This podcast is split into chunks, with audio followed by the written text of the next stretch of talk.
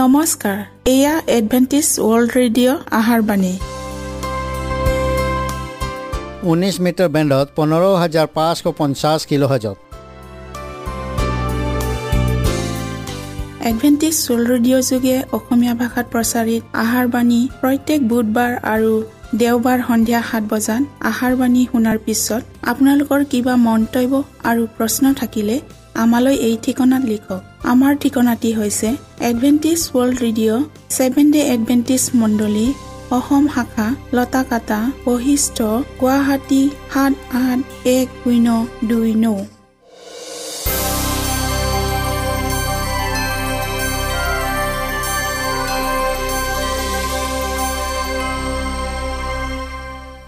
প্ৰিয় শ্ৰোতা বন্ধুসকল এতিয়া শুনো আহক এটি খ্ৰীষ্টীয় ধৰ্মীয় গীত।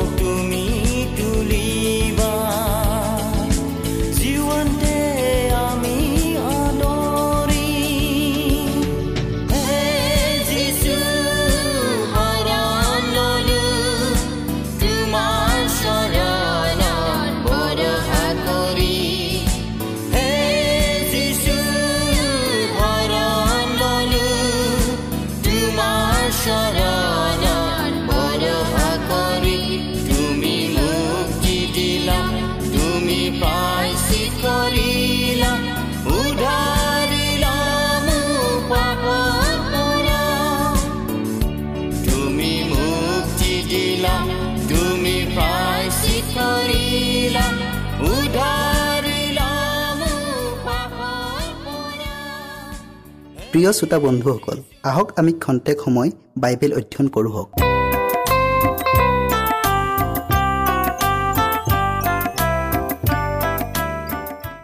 প্ৰিয় শ্ৰোতাসকল নমস্কাৰ।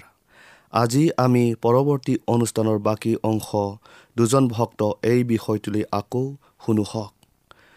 শাস্ত্ৰপদ লোৱা হৈছে লোক ওঠৰ অধ্যায়ৰ নৌৰ পৰা চৈধ্য পদলৈ।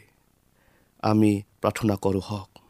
সেই স্বৰ্গত থকা পবিত্ৰ জীৱনময় গৰাকী তোমাক ধন্যবাদ দিছোঁ প্ৰভু কিয়নো তুমি আশীৰ্বাদ আৰু দয়াৰ দাতা। প্ৰভু এই সুন্দৰ সময় যে তুমি আমাক দি দিলা ইয়াৰ বাবে আকৌ তোমাক ধন্যবাদ দিছোঁ।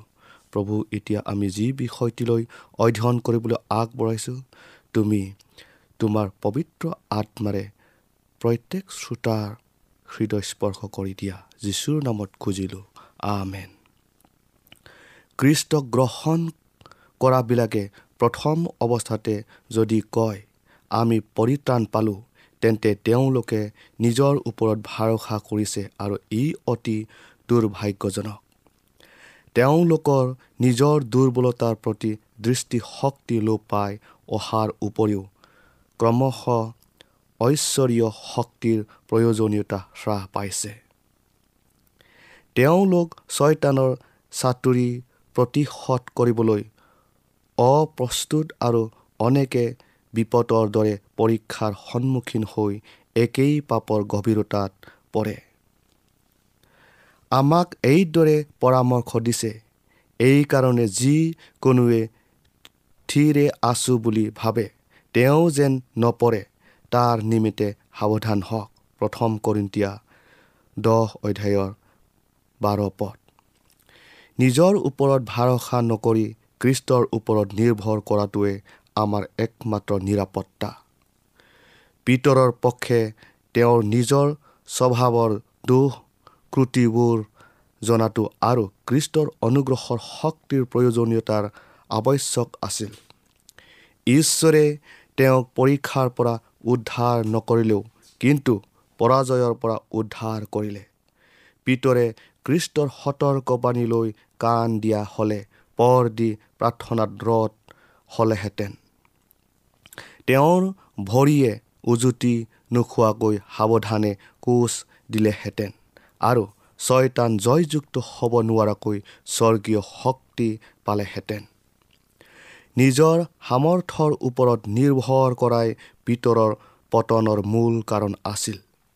কিন্তু অনুতাপ আৰু নম্ৰতাৰ দ্বাৰাই তেওঁৰ চৰণে উভয়োতাই আনি পোন প্ৰতিষ্ঠিত কৰিলে। পিতৰৰ লিখিত অভিজ্ঞতাৰ দ্বাৰাই ক'ব পাৰি প্ৰত্যেকজন অনুতাপিত পাপীয়ে উৎসাহিত হ'ব। যদিও পিতৰে শুকাব পাপ কৰিলে তথাপিও ঈশ্বৰে তেওঁক ত্যাগ কৰা নাছিল।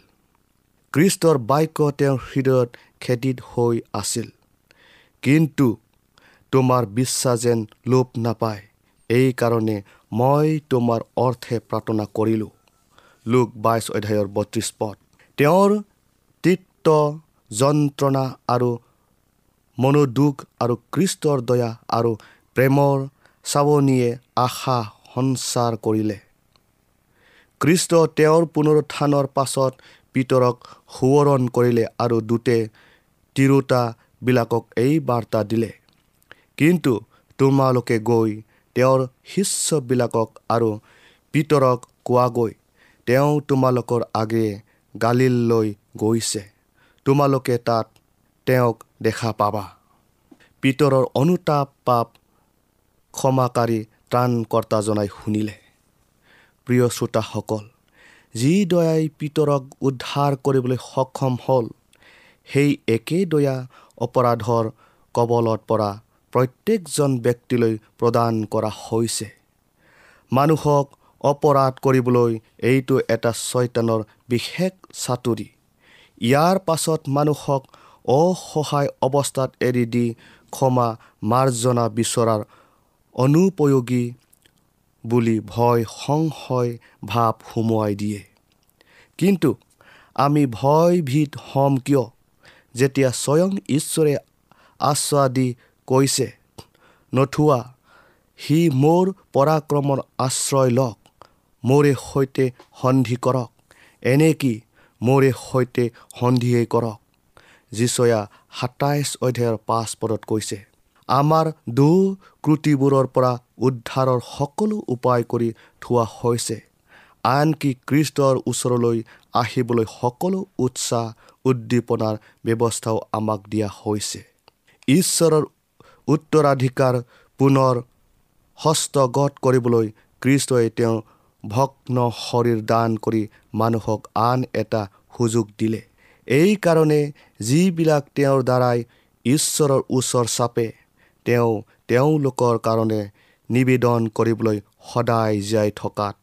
সদাকালৰ অৰ্থে তেওঁলোকৰ পৰিত্ৰাণ কৰিব পাৰে। তেওঁৰ নিষ্কলংকিত জীৱন তেওঁৰ বাধ্যতা কালবাৰী ক্ৰুচত আত্মবলিদানৰ দ্বাৰাই হেৰুৱা মানৱ জাতিৰ কাৰণে মধ্যস্থকাৰী হৈ আছে। কৃষ্ট এতিয়া আবেদনকাৰীৰ দৰে নহয় কিন্তু পৰিত্ৰাণকাৰীজনেই আমালোকৰ সৰ্থাকৰ্তা হৈ আমাৰ মধ্যস্থকাৰী হৈছে। কিন্তু বিজয়ী হৈ তেওঁ সেই জয়যুক্তৰ অধিকাৰী দাবী কৰিছে। তেওঁৰ উৎসৰ্গ শেষ হ'ল আৰু আমাৰ মধ্যস্থতাকাৰী হিচাপে আত্মনিয়োগ কৰি কাৰ্যনিৰ্বাহ কৰিছে। ঈশ্বৰৰ আগত ধূপ গছা হাতত লৈ য'ত তেওঁৰ নিজৰ নিষ্কলংকিত সৎগুণ আৰু প্ৰাৰ্থনা পাপ স্বীকাৰ আৰু তেওঁৰ লোক লোকৰ ধন্যবাদেৰে পৰিপূৰ্ণ আছিল। তেওঁৰ ধাৰ্মিকতাৰ সুগন্ধি সৌৰভ সুঘ্ৰাণেৰে ঈশ্বৰৰ আগত উঠে। এই উৎসৰ্গ সম্পূৰ্ণৰূপে গ্ৰহণীয় হোৱাত আটাই পাপবোৰ ঢাকে। কৃষ্টই আমাক তেওঁৰ দৰে সূচী আৰু পবিত্ৰ কৰি গ্ৰহণ কৰিবলৈ স্বয়ং প্ৰতিজ্ঞাবদ্ধ আৰু তেওঁৰ ওচৰলৈ অহাজনক তেওঁ অগ্ৰাহ্য নকৰে। যিজনাই মানৱ সন্থা দেশ দেশ অনন্ত ধ্বংস হোৱা নিবিচাৰি পুনৰ জীয়াবলৈ নিজৰ প্ৰাণ সেইবিলাকৰ হৈ আহুতি দিলে যাতে তেওঁলোকে নিজকে নিজে ৰক্ষা কৰিব নোৱাৰে ইয়াকে অনুভৱ কৰক। তেওঁ খেতিত মনেৰে অনুনয় কৰাজনক নিষ্ঠাৰ নকৰাকৈ নাথাকে। যিজনাই নিজ শক্তিৰে মানুহক প্ৰায়চিত্ৰ কৰি নৈতিক শক্তি অৰ্থাৎ এক প্ৰাচুৰ্য মূলধন দিলে এয়া আমাৰ সেই শক্তি যোগোৱাৰ হীন দেৰি নহ'ব। আমি যেন আমাৰ পাপ অপৰাধবোৰ তেওঁৰ চৰণত আনো কিয়নো তেওঁ আমাক প্ৰেম কৰে। তেওঁৰ প্ৰত্যেকটো চাৱনি আৰু মাতে আমাৰ দৃঢ় বিশ্বাস আৰু সাহসীয়তা আমন্ত্ৰণ কৰে। তেওঁৰ ইচ্ছা অনুসাৰে আমাৰ স্বভাৱ সাঁচত দি গঢ়াই ল'ব। যদি কোনো এজন প্ৰাণীয়ে কেৱল বিশ্বাসৰ দৃষ্টিৰে কৃষ্টলৈ লক্ষ্য কৰে ছয়তানৰ সমগ্ৰ শক্তিও তেনে লোকৰ ওপৰত জয়যুক্ত হ'ব নোৱাৰে। কাৰণ তেওঁ ক্লান্ত হোৱা লোকক শক্তি দান কৰে আৰু বল নোহোৱা লোকক অধিক বল দান কৰে। যীশুৱে চল্লিছ অধ্যায়ৰ ঊনত্ৰিছ পদত। প্ৰিয় শ্ৰোতাসকল কিন্তু আমি নিজ পাপবোৰ স্বীকাৰ কৰিলে বিশ্বাসী আৰু ধাৰ্মিক যি তেওঁ তেওঁ আমাৰ পাপবোৰ ক্ষমা কৰে আৰু সকলো অধৰ্মৰ পৰা আমাক সূচী কৰে। তুমি ঈশ্বৰ যি হোৱাৰ বিৰুদ্ধে অপৰাধ কৰিলা সেই দোষ কেৱল স্বীকাৰ কৰা জিৰিমায়া তিনি অধ্যায়ৰ তেৰ পদত কৈছে। আৰু মই তোমালোকৰ ওপৰত সূচী জল ছটিয়াম তাতে তোমালোকে সূচী হ'বা। মই তোমালোকৰ আটাই অসৌচৰ পৰা আৰু তোমালোকৰ আটাই মূৰ্তিৰ পৰা তোমালোক সূচী কৰিম। জিহিচকেল ছয়ত্ৰিছ অধ্যায়ৰ পঁচিছ পদত। কিন্তু আমাৰো অনুভৱ কৰিব পৰা জ্ঞান এটা হ'ব লাগে। যি অনুভৱ কৰিব পৰা জ্ঞানে আমি ক্ষমা আৰু শান্তি পোৱাৰ আগেয়ে অনুতাপ কৰিবলৈ সমৰ্থ কৰিব। ফৰিচীজনে পাপৰ সম্বন্ধে দোষী ইয়াৰ গুৰুত্বই নিদিলে কাৰণ পবিত্ৰ আত্মাই তেওঁত কোনো কাৰ্য সাধন কৰিব নোৱাৰিলে। তেওঁৰ আত্মাই নিজকে নিষ্ঠাবান কবচৰ দ্বাৰাই এনেভাৱে আৱৰি ৰাখিছে তাত স্বৰ্গদূতবিলাকেও হস্তসিদ্ধ হাতেৰে ঈশ্বৰৰ স্বৰভেদ কৰিব পৰা নাই। কেৱল যিজনে নিজকে পাপী বুলি জানি কেৱল কৃষ্টইহে উদ্ধাৰ কৰিব পাৰে বুলি বিশ্বাস কৰে সেইজনতহে ঈশ্বৰৰ বাক্য ভেদ কৰিব পাৰিব। দৰিদ্ৰবিলাকৰ আগত সুবাৰ্তা প্ৰচাৰ কৰিবলৈ তেওঁ মোক অভিষিক্ত কৰিলে। বন্দিয়াৰৰ আগত মুক্তিৰ আৰু অন্ধবিলাকৰ আগত পুনৰাই চকু পোৱাৰ কথা ঘোষণা কৰিবলৈ চেপা খোৱাবিলাকক মুকলি কৰিবলৈ মোক পঠালে। লোক চাৰি অধ্যায়ৰ অতৰ পদত। কিন্তু নিৰোগী মানুহৰ বেজত সকাম নাই। লোক পাঁচ অধ্যায়ৰ একত্ৰিছ পদত। আমি আমাৰ আত্মিক দুৰৱস্থা জ্ঞাত হ'বই লাগিব। নহ'লে কৃষ্টৰ সহায়ৰ প্ৰয়োজন বোধ নহ'ব। আমি বিপদ সংকট জানিবই লাগিব। নহ'লে নিৰাপদ ঠাইলৈ কেনেকৈ আঁতৰি যাম? আমি আঘাতৰ যন্ত্ৰণা অনুভৱ কৰিবই লাগিব। নহ'লে সুস্থ হোৱাৰ আশা কৰিব নোৱাৰোঁ। প্ৰিয় শ্ৰোতাসকল কৃষ্টই কৈছে কাৰণ তুমি কৈছা মই ধনী ধন সাঁচিলোঁ মোৰ একোৰো অভাৱ নাই। কিন্তু তুমিয়েই যে দুৰ্ভগীয়া দিনহীন দৰিদ্ৰ অন্ধ আৰু উলংগ তাক নাজানা।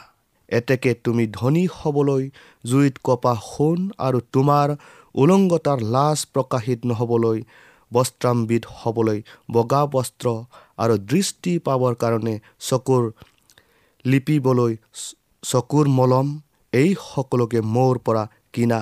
মই তোমাক এই বুদ্ধি দিছোঁ।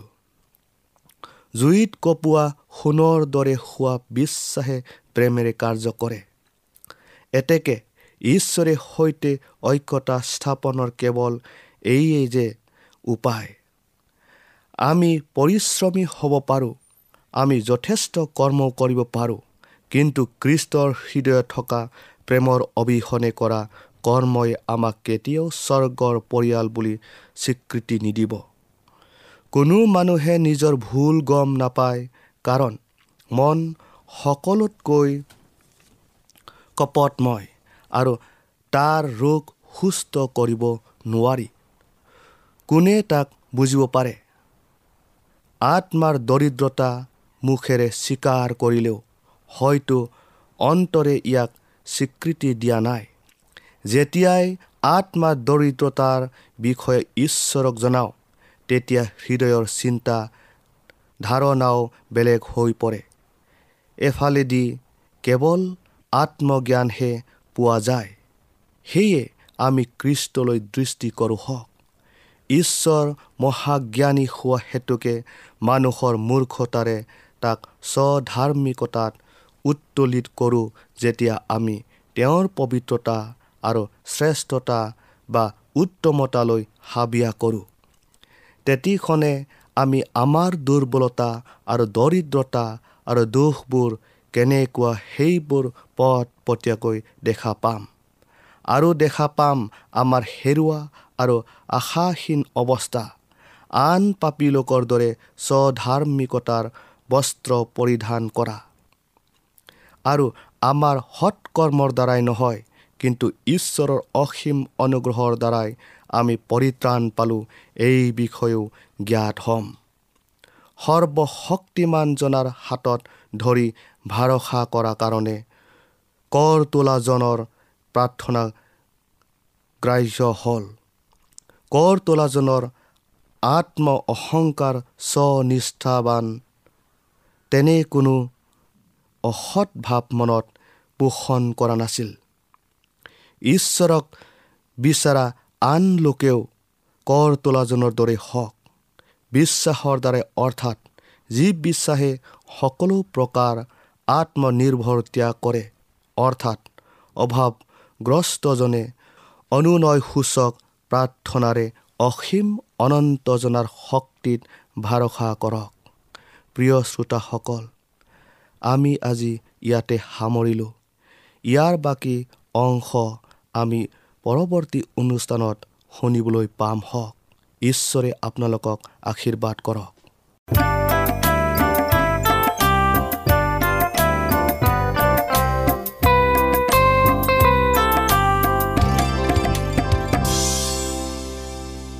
ইমানপৰে আমি বাইবেল অধ্যয়ন কৰিলোঁ। এতিয়া আকৌ শুনো আহক এটি খ্ৰীষ্টীয় ধৰ্মীয় গীত। বাক্য তুমি।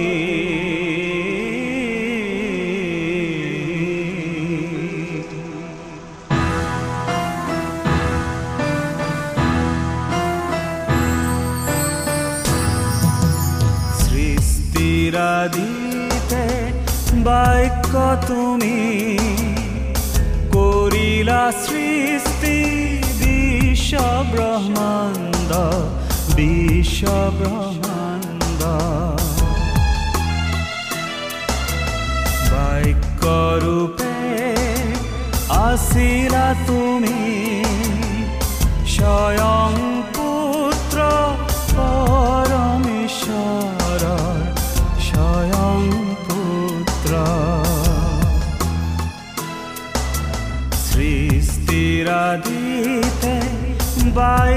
তুমি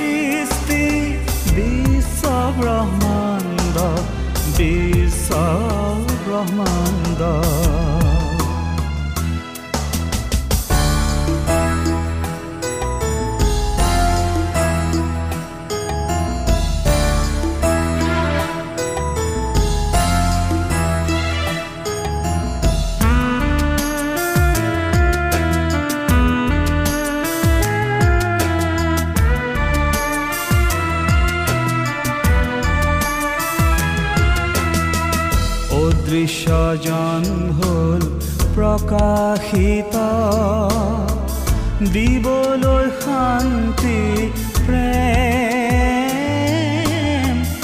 অদৃশ্যজন হ'ল প্ৰকাশিত। দিবলৈ শান্তি প্ৰেম।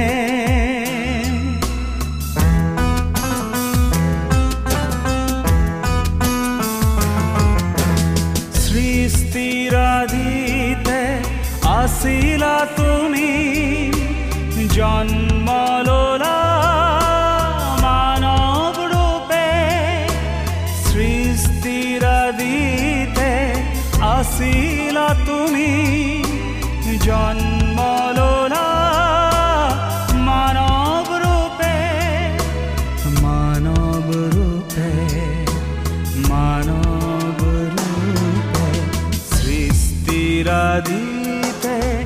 বাক্য তুমি কৰিলা সৃষ্টি বিশ্ব ব্ৰহ্মাণ্ড বিশ্ব ব্ৰহ্মাণ্ড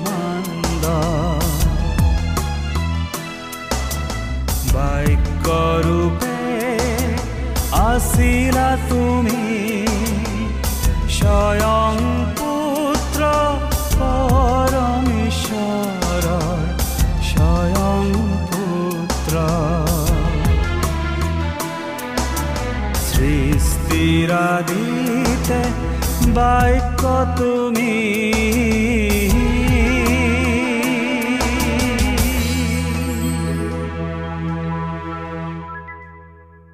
মনত ৰাখিব আমাৰ ঠিকনাটি পুনৰ কৈ দিছোঁ। Adventist world radio' Assam region of seven day Adventist voice of hope Latakata Basistha Guwahati seven eight one zero' two nine প্ৰিয় শ্ৰোতা বন্ধুসকল এডভেণ্টিজ ৱৰ্ল্ড ৰেডিঅ' যোগে আহাৰবাণী প্ৰচাৰত আপোনালোকক পুনৰ লগ পোৱাৰ আহাৰে আজিলৈ সামৰিলোঁ। ধন্যবাদ।